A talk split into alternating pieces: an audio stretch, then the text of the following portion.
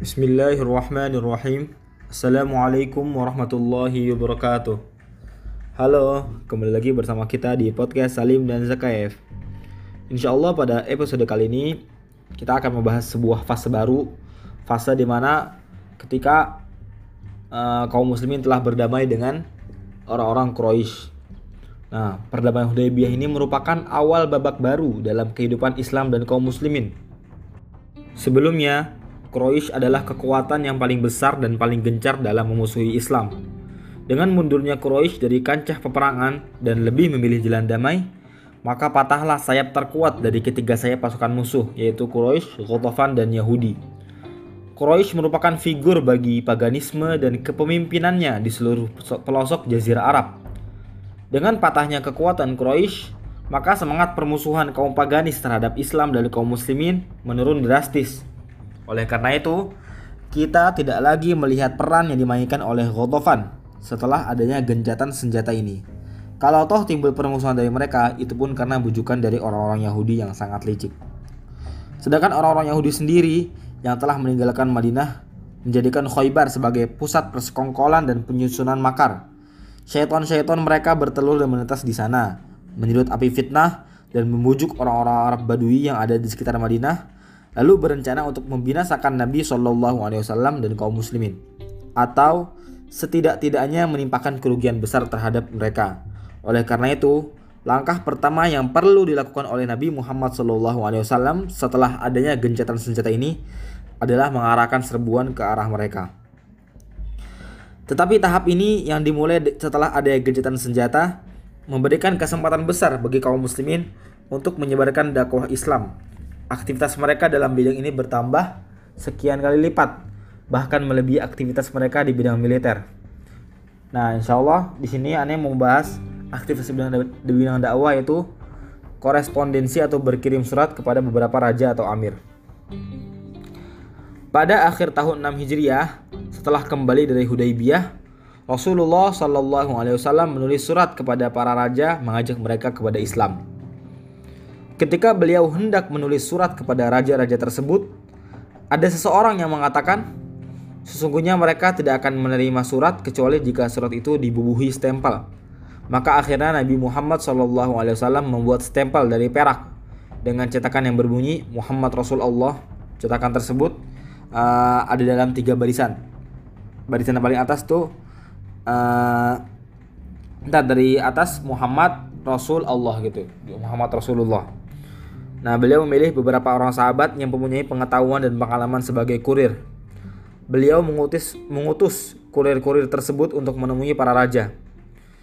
Uh, para ulama memastikan bahwasanya Nabi Muhammad SAW mengutus para kurir tersebut pada awal bulan Muharram tahun 7 Hijriah, beberapa hari sebelum beliau ber, beliau berangkat ke Khaybar. Nah, di sini aneh mau nyebutin surat pertama yaitu surat kepada Raja Najasyi yaitu raja kerajaan Habasyah. Nah, Najasyi ini namanya adalah Ashama bin Al-Abjar.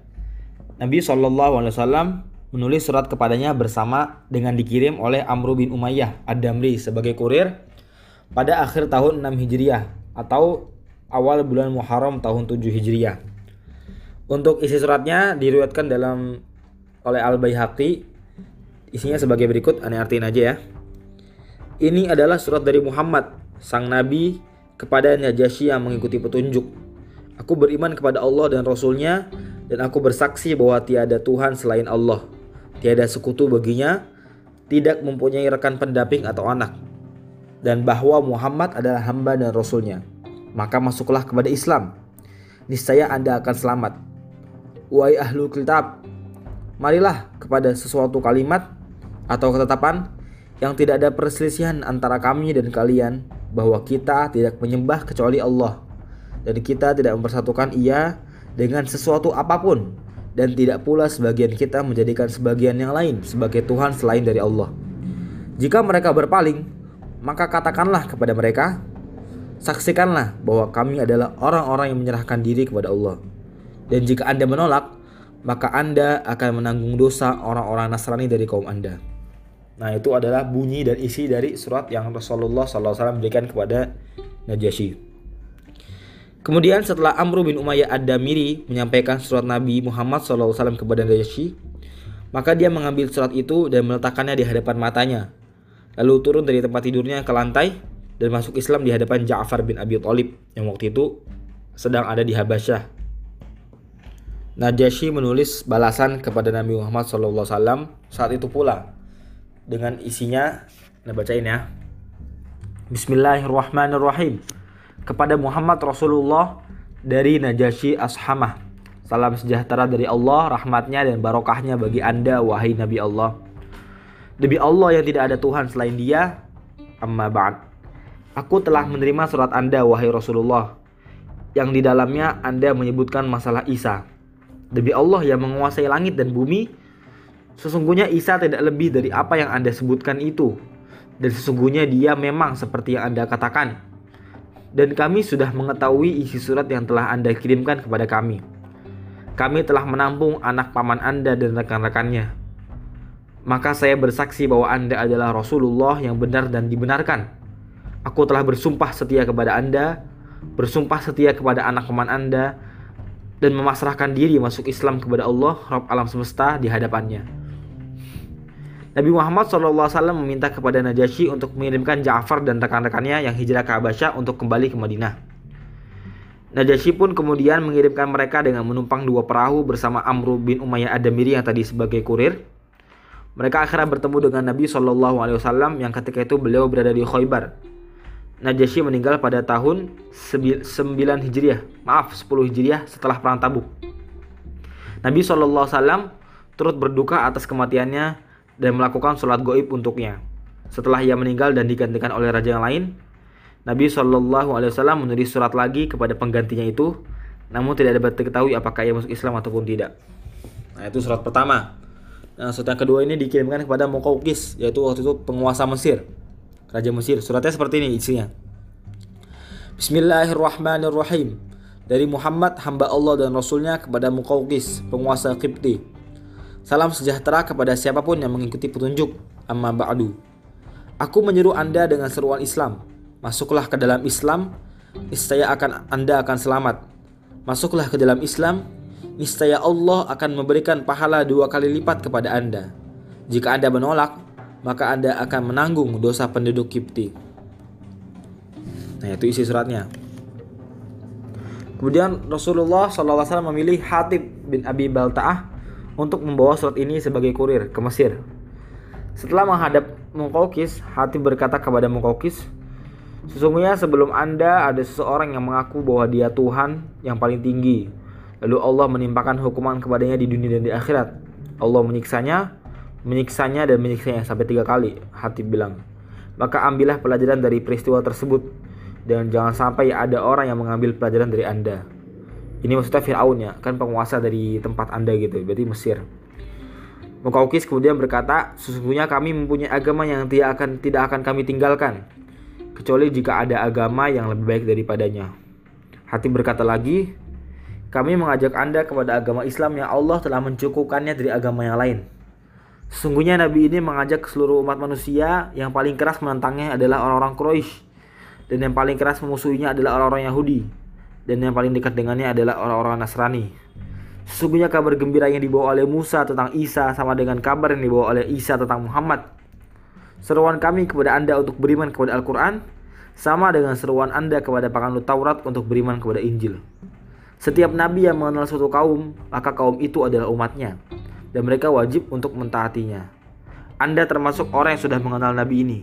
Kami tidaklah melarang Anda untuk berpegang kepada Al-Masih, Bahkan kami merintahkan untuk berpegang kepadanya. Kaukus lalu berkata lagi, Aku telah memperhatikan agama Nabi ini dan aku dapati dia tidak memerintahkan untuk berperang kepada sesuatu yang tidak disukai dan tidak melarang untuk berpegang kepada sesuatu yang disenangi. Dia tidaklah seperti tukang sihir yang sesat dan tidak pula seperti dukun yang suka berdusta. Kulihat dia memiliki tanda kenabian dengan mengeluarkannya tersembunyi dan mengabarkannya rahasia. Aku akan mempertimbangkannya. Mukaukis lalu mengambil surat Nabi SAW, lalu diberi stempel dan diserahkan kepada pembantunya. Kemudian ia memanggil sekretarisnya untuk menulis surat balasan kepada Nabi dengan bahasa Arab dengan tulisan sebagai berikut Bismillahirrahmanirrahim Kepada Muhammad bin Abdullah dari Muqawqis penguasa Qibti Mesir. Salam sejahtera bagi Anda, amma ba'du. Saya telah membaca surat Anda dan telah memahami isinya dan apa yang Anda serukan. Saya mengetahui bahwa masih ada seorang nabi dan saya pikir dia akan muncul di Syam. Saya telah menghormati utusan Anda dan kini kukirimkan kepada Anda dua gadis yang memiliki kedudukan terhormat di Kipti dan beberapa lembar kain. Saya hadiahkan pula seorang bigol. Bigol itu uh, persilangan antara kedelai dengan keledai dengan kuda. Bigol itu apa kayak hewan bagus lah, hewan mahal. Saya hadiahkan pula seekor bigol agar dapat Anda pergunakan sebagai kendaraan. Salam sejahtera bagi Anda. Isi suratnya tidak lebih dari itu dan dia tidak pula masuk Islam. Dua gadis tersebut adalah Mariyah dan Sirim. Sedangkan Bilghal tersebut diberi nama Duldul, tetap hidup hingga zaman Muawiyah. Rasulullah SAW menjadikan Mariyah sebagai istri dan dialah yang akan melahirkan Ibrahim anak beliau. Sedangkan Sirin beliau berikan kepada Hasan bin Ali, Hasan bin Thabit al Ansori. Nah untuk selanjutnya silahkan Bo lanjutkan. Oke Pi, aneh lanjutin sekarang kita masuk ke surat Rasulullah Shallallahu Alaihi Wasallam kepada Kisro Raja Persia. Rasulullah Shallallahu Alaihi Wasallam menulis surat kepada Kisro Raja Persia yang isinya Bismillahirrahmanirrahim dari Muhammad Rasulullah kepada Kisro pemimpin Persia. Kesejahteraan bagi siapa pun yang mengikuti petunjuk beriman kepada Allah dan Rasulnya bersaksi bahwa tiada ilah selain Allah semata yang tiada sekutu baginya dan bahwa Muhammad adalah hamba dan rasulnya. Aku menyuruh Tuhan dengan seruan Islam. Sesungguhnya aku adalah utusan Allah kepada seluruh manusia untuk memberi peringatan kepada orang yang hidup dan membenarkan perkataan atas orang-orang kafir. Masuklah Islam, niscaya Tuhan akan selamat. Namun jika Tuhan menolak, maka dosa orang-orang majusi ada di pundak Tuhan. Yang menyampaikan surat ini adalah Abdullah bin Hudzafah As-Sahmi. Ketika surat itu sudah sampai di tangan Kisro sang raja Persia, Kisro pun merobek-robek surat itu dengan sombong. Ketika Rasulullah Wasallam mendengar bahwasanya suratnya dirobek-robek, maka Rasulullah Shallallahu Alaihi Wasallam bersabda, Allah akan mencabik-cabik kerajaannya seperti ia mencabik-cabik suratku.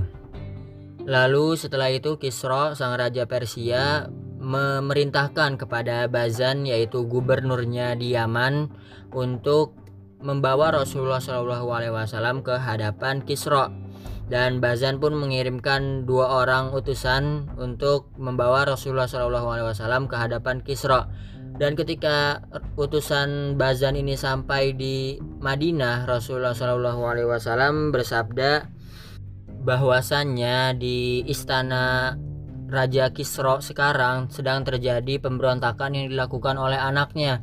Dan Kisro pun mat, e, mati terbunuh. Dan ini terjadi pada tanggal 10 Jumadal Ula tahun 7 Hijriah yaitu tepatnya pada hari Selasa dan Rasulullah Shallallahu Alaihi Wasallam memerintahkan kepada dua orang utusan Bazan ini untuk menyampaikan apa yang dikatakannya dan menyampaikan bahwasannya agama dan kekuasaannya akan merambah seperti yang dicapai oleh Kisro e, dan menguasai yang kaya dan yang miskin. Lalu Rasulullah SAW bersabda lagi, apabila Tuhan mau masuk Islam, kuberikan apa yang menjadi milik Tuhan sebagai pemimpin bagi kaum Tuhan.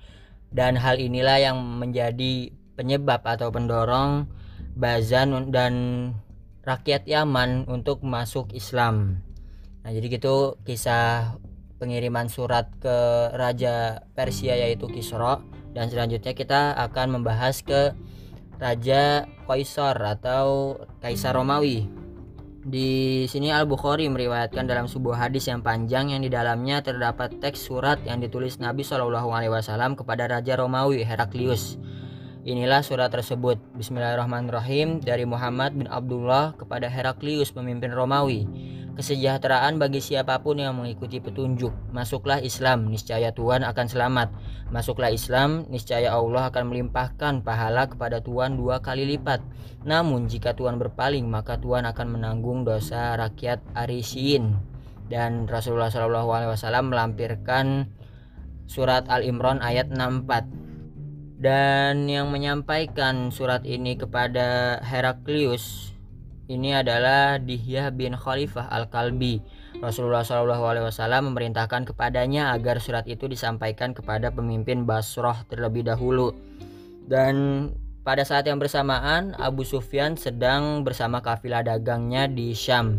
Lalu Abu Sufyan dikirimi surat oleh Heraklius untuk datang di pertemuannya bersama para pembesar Romawi.